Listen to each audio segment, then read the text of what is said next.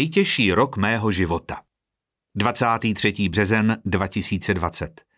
První vlna covidu. Jedu do Hrzánského paláce.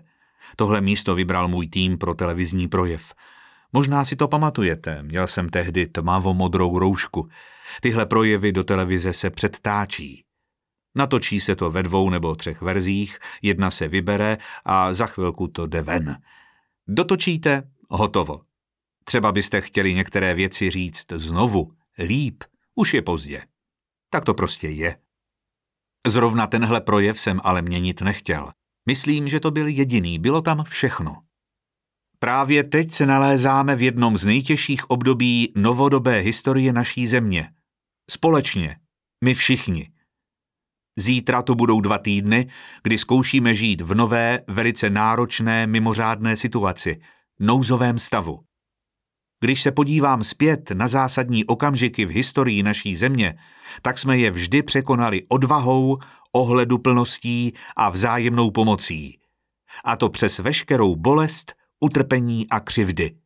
Vždy odvahou. Odvaha nás provázela v těžkých dobách a posilovala naše národní sebevědomí, našeho ducha. Odvaha, ohleduplnost a vzájemná pomoc, to je to, co vidím dnes. Dnes, každý den a v každém, s kým se v těchto dnech potkávám. Snažím se vzpomenout na některé útržky z té doby a taky na to, jak jsem se cítil. Jen si to představte. Stojí před vámi přírodní katastrofa, kterou nikdo nikdy před vámi neřešil. A teď je to tady. Nebyl čas dělat politiku. Doslova nebyl čas. Zachraňovali jsme zemi. A jak mě znáte, pustil jsem se do toho po hlavě. Přesunuli jsme se do Hrzánského paláce a všechny schůzky změnili na videokóly. Vyseli jsme na nich celé dny, celý tým, všichni společně, v jedné velké místnosti. Právě v těchto dnech začal nový integrovaný centrální řídící tým makat na klíčové chytré karanténě. A začali nás všechny každý týden testovat. Občas někomu z kolegů nedorazily výsledky včas, zatímco jiným ano. Ty situace si asi dovedete představit. Každý si myslel, že je právě on ten jediný pozitivní a to pochopitelně nikdo nechtěl. V Hrzánu jsme zůstali pár měsíců. Pár týdnů jsme v neděli vůbec nepsali čau lidi. Nestíhalo se a pak už nikdy. Začali jsme točit videa, strašně dlouhá. Vždyť víte, já jsem vždycky dlouhý. Měl bych je zkrátit. Do dvou minut, říká můj tým. Já chci ale vždycky říct to, co chci říct já. No, to bychom tady byli dlouho, kdybych vám měl vykládat, na co všechno má můj tým jiný názor. Střih. Je 9. duben 2020, těsně před Velikonocemi. Zase točíme projev.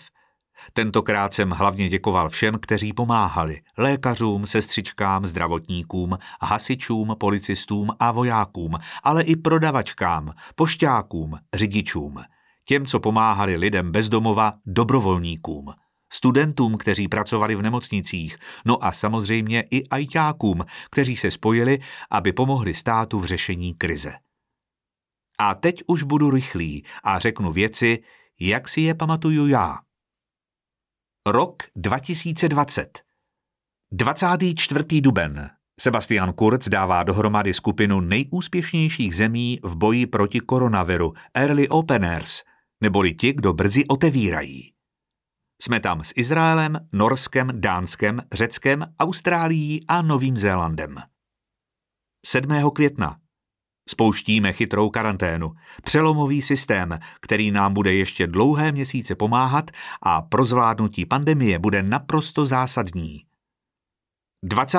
května po deseti týdnech konečně venku Vyšli jsme si s ministrem Karlem Havlíčkem na manifesto Market. Bylo tam tak plno, že jsme si ani nesedli.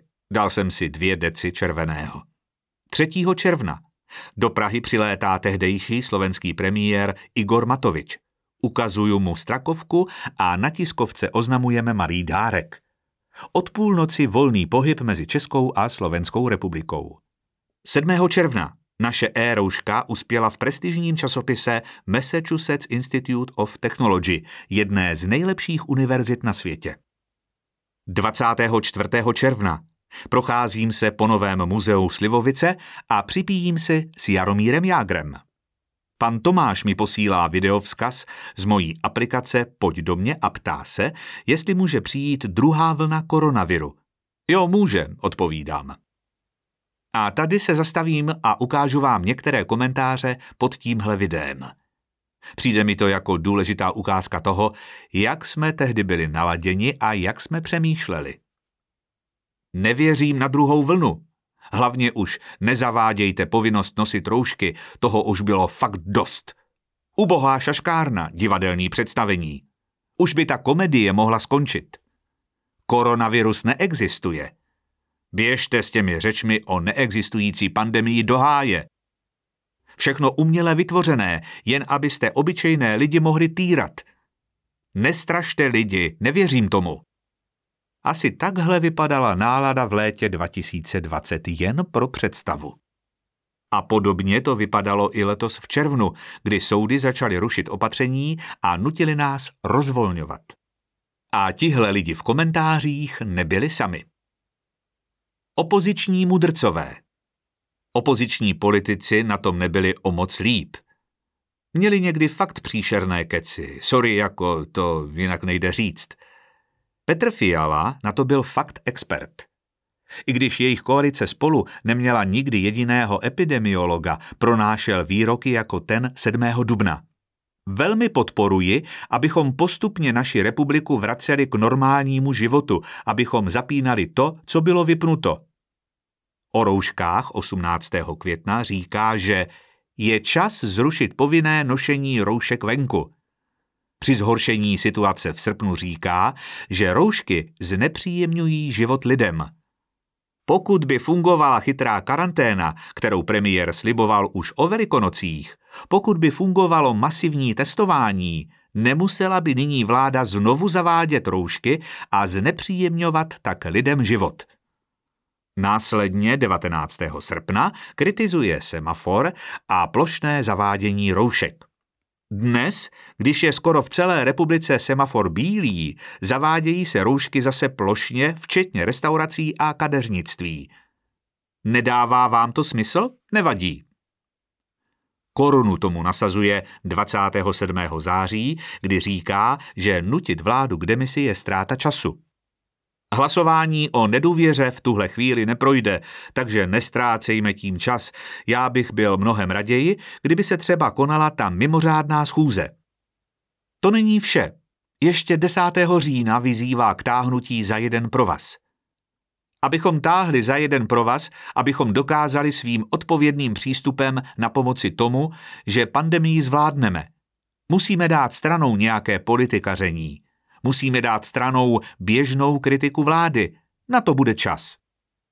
Aby pak najednou 13. října na Facebooku oznámil, že ODS vyvolá hlasování o nedůvěře.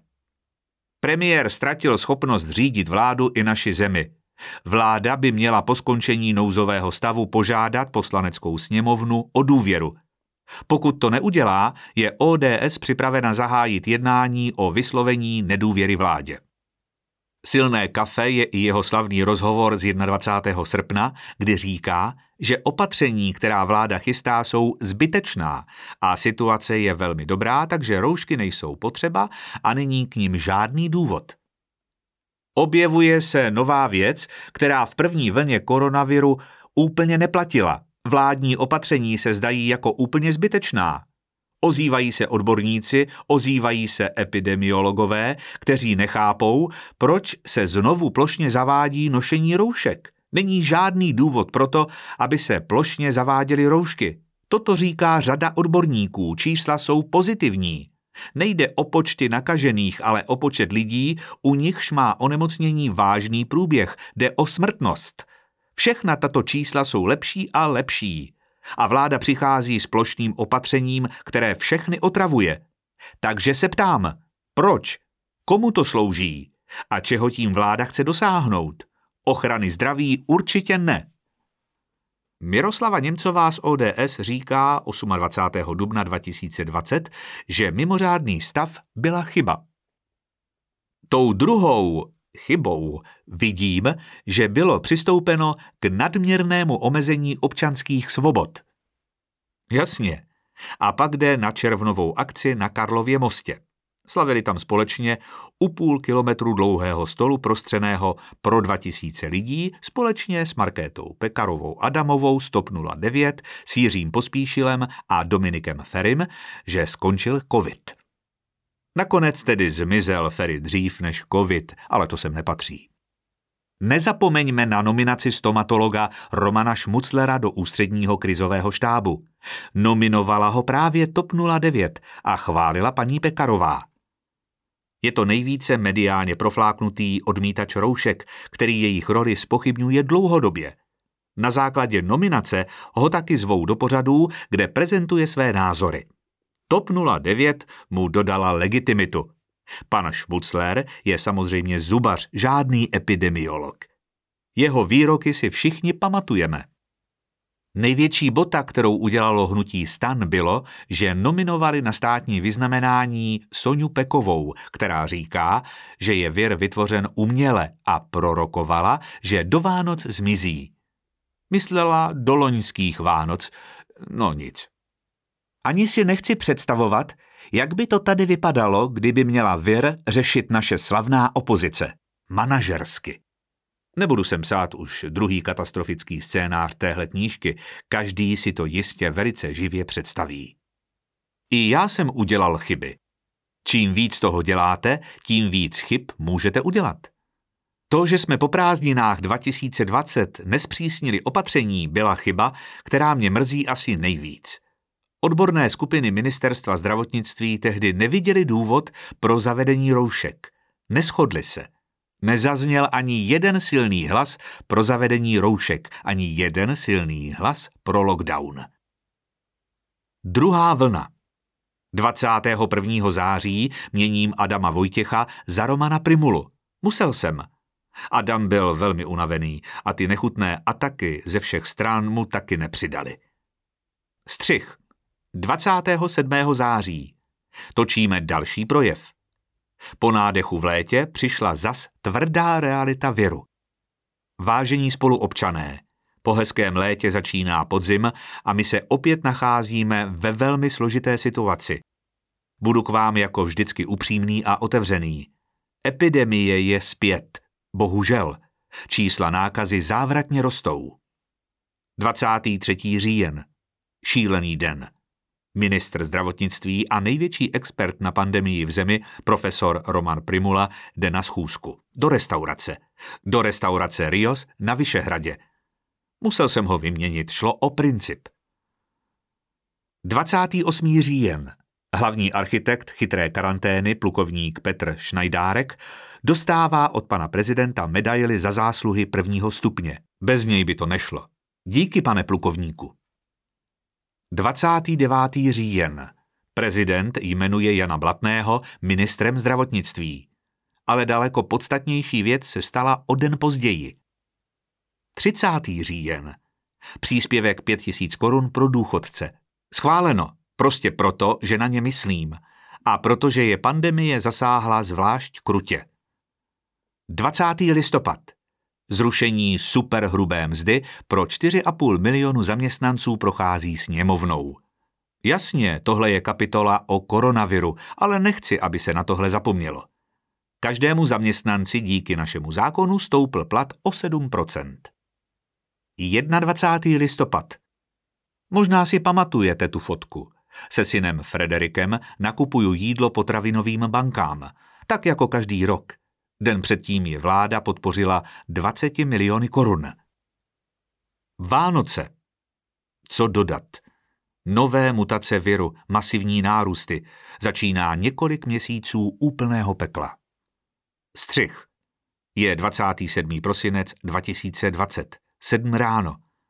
Jsem na první dávce vakcíny v ústřední vojenské nemocnici a když procházím kolem odběrového místa, vzpomínám na březen 2020. Nebylo nic, odběrová místa ani integrovaný centrální řídící tým. Vůbec nic. Žádné testy, odběrové sady, ani roušky.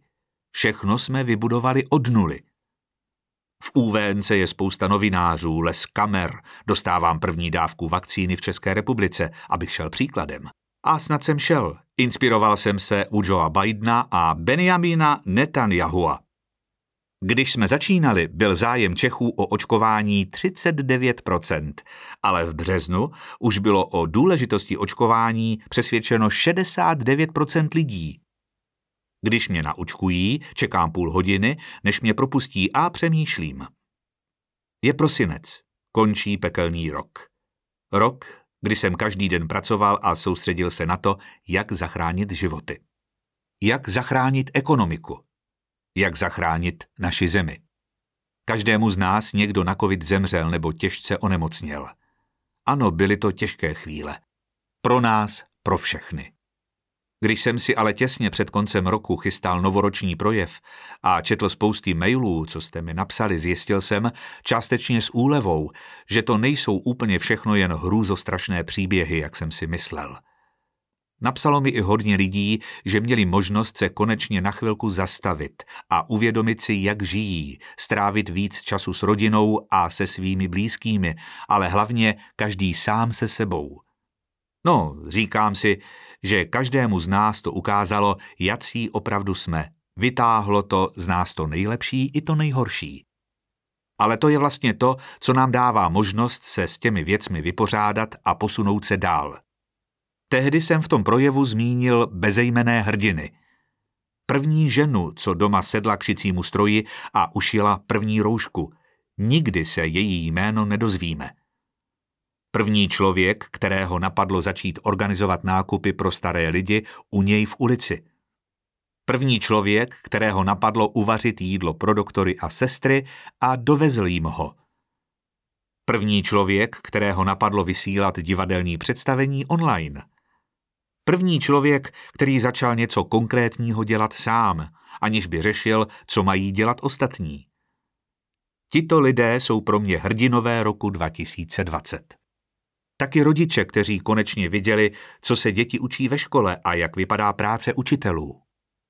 Spousta mužů konečně viděla, jak tráví den jejich ženy. Možná se aspoň na chvíli zastavili a zamysleli, co všechno zvládnou. A pak mi najednou došlo, že když to vypadá, že jsou to ty nejhorší časy, tak to vlastně zároveň znamená, že jsou to časy zlomové. Čas, kdy se můžou věci měnit, a to způsobem naprosto nevýdaným. Věci, které nám v tuto chvíli přijdou jako nepříjemnost, třeba to, že děti nemohly chodit do školy, nás můžou inspirovat. Čas strávený spolu nás mohl inspirovat. Trávil jsem víkendy doma s rodinou. Máme od té doby rodinné obědy. Moje žena skvěle vařila. Byli jsme si blízko. Tam někde na procházkách s Elou, ještě dávno předtím, než vůbec přišla první vakcína, jsem uviděl naději. I když si myslíme, že jsme v největší krizi, tak se právě teď děje něco, co později zjistíme, že je strašně pozitivní. Právě v této krizi jsme zjistili, jací jsme. Byl to rok očistný, spoustu věcí vyplavalo na povrch. Byl to rok, kdy jsme se soustředili na největší problémy a vyrovnávali se s nimi. Všichni se snažili zorientovat.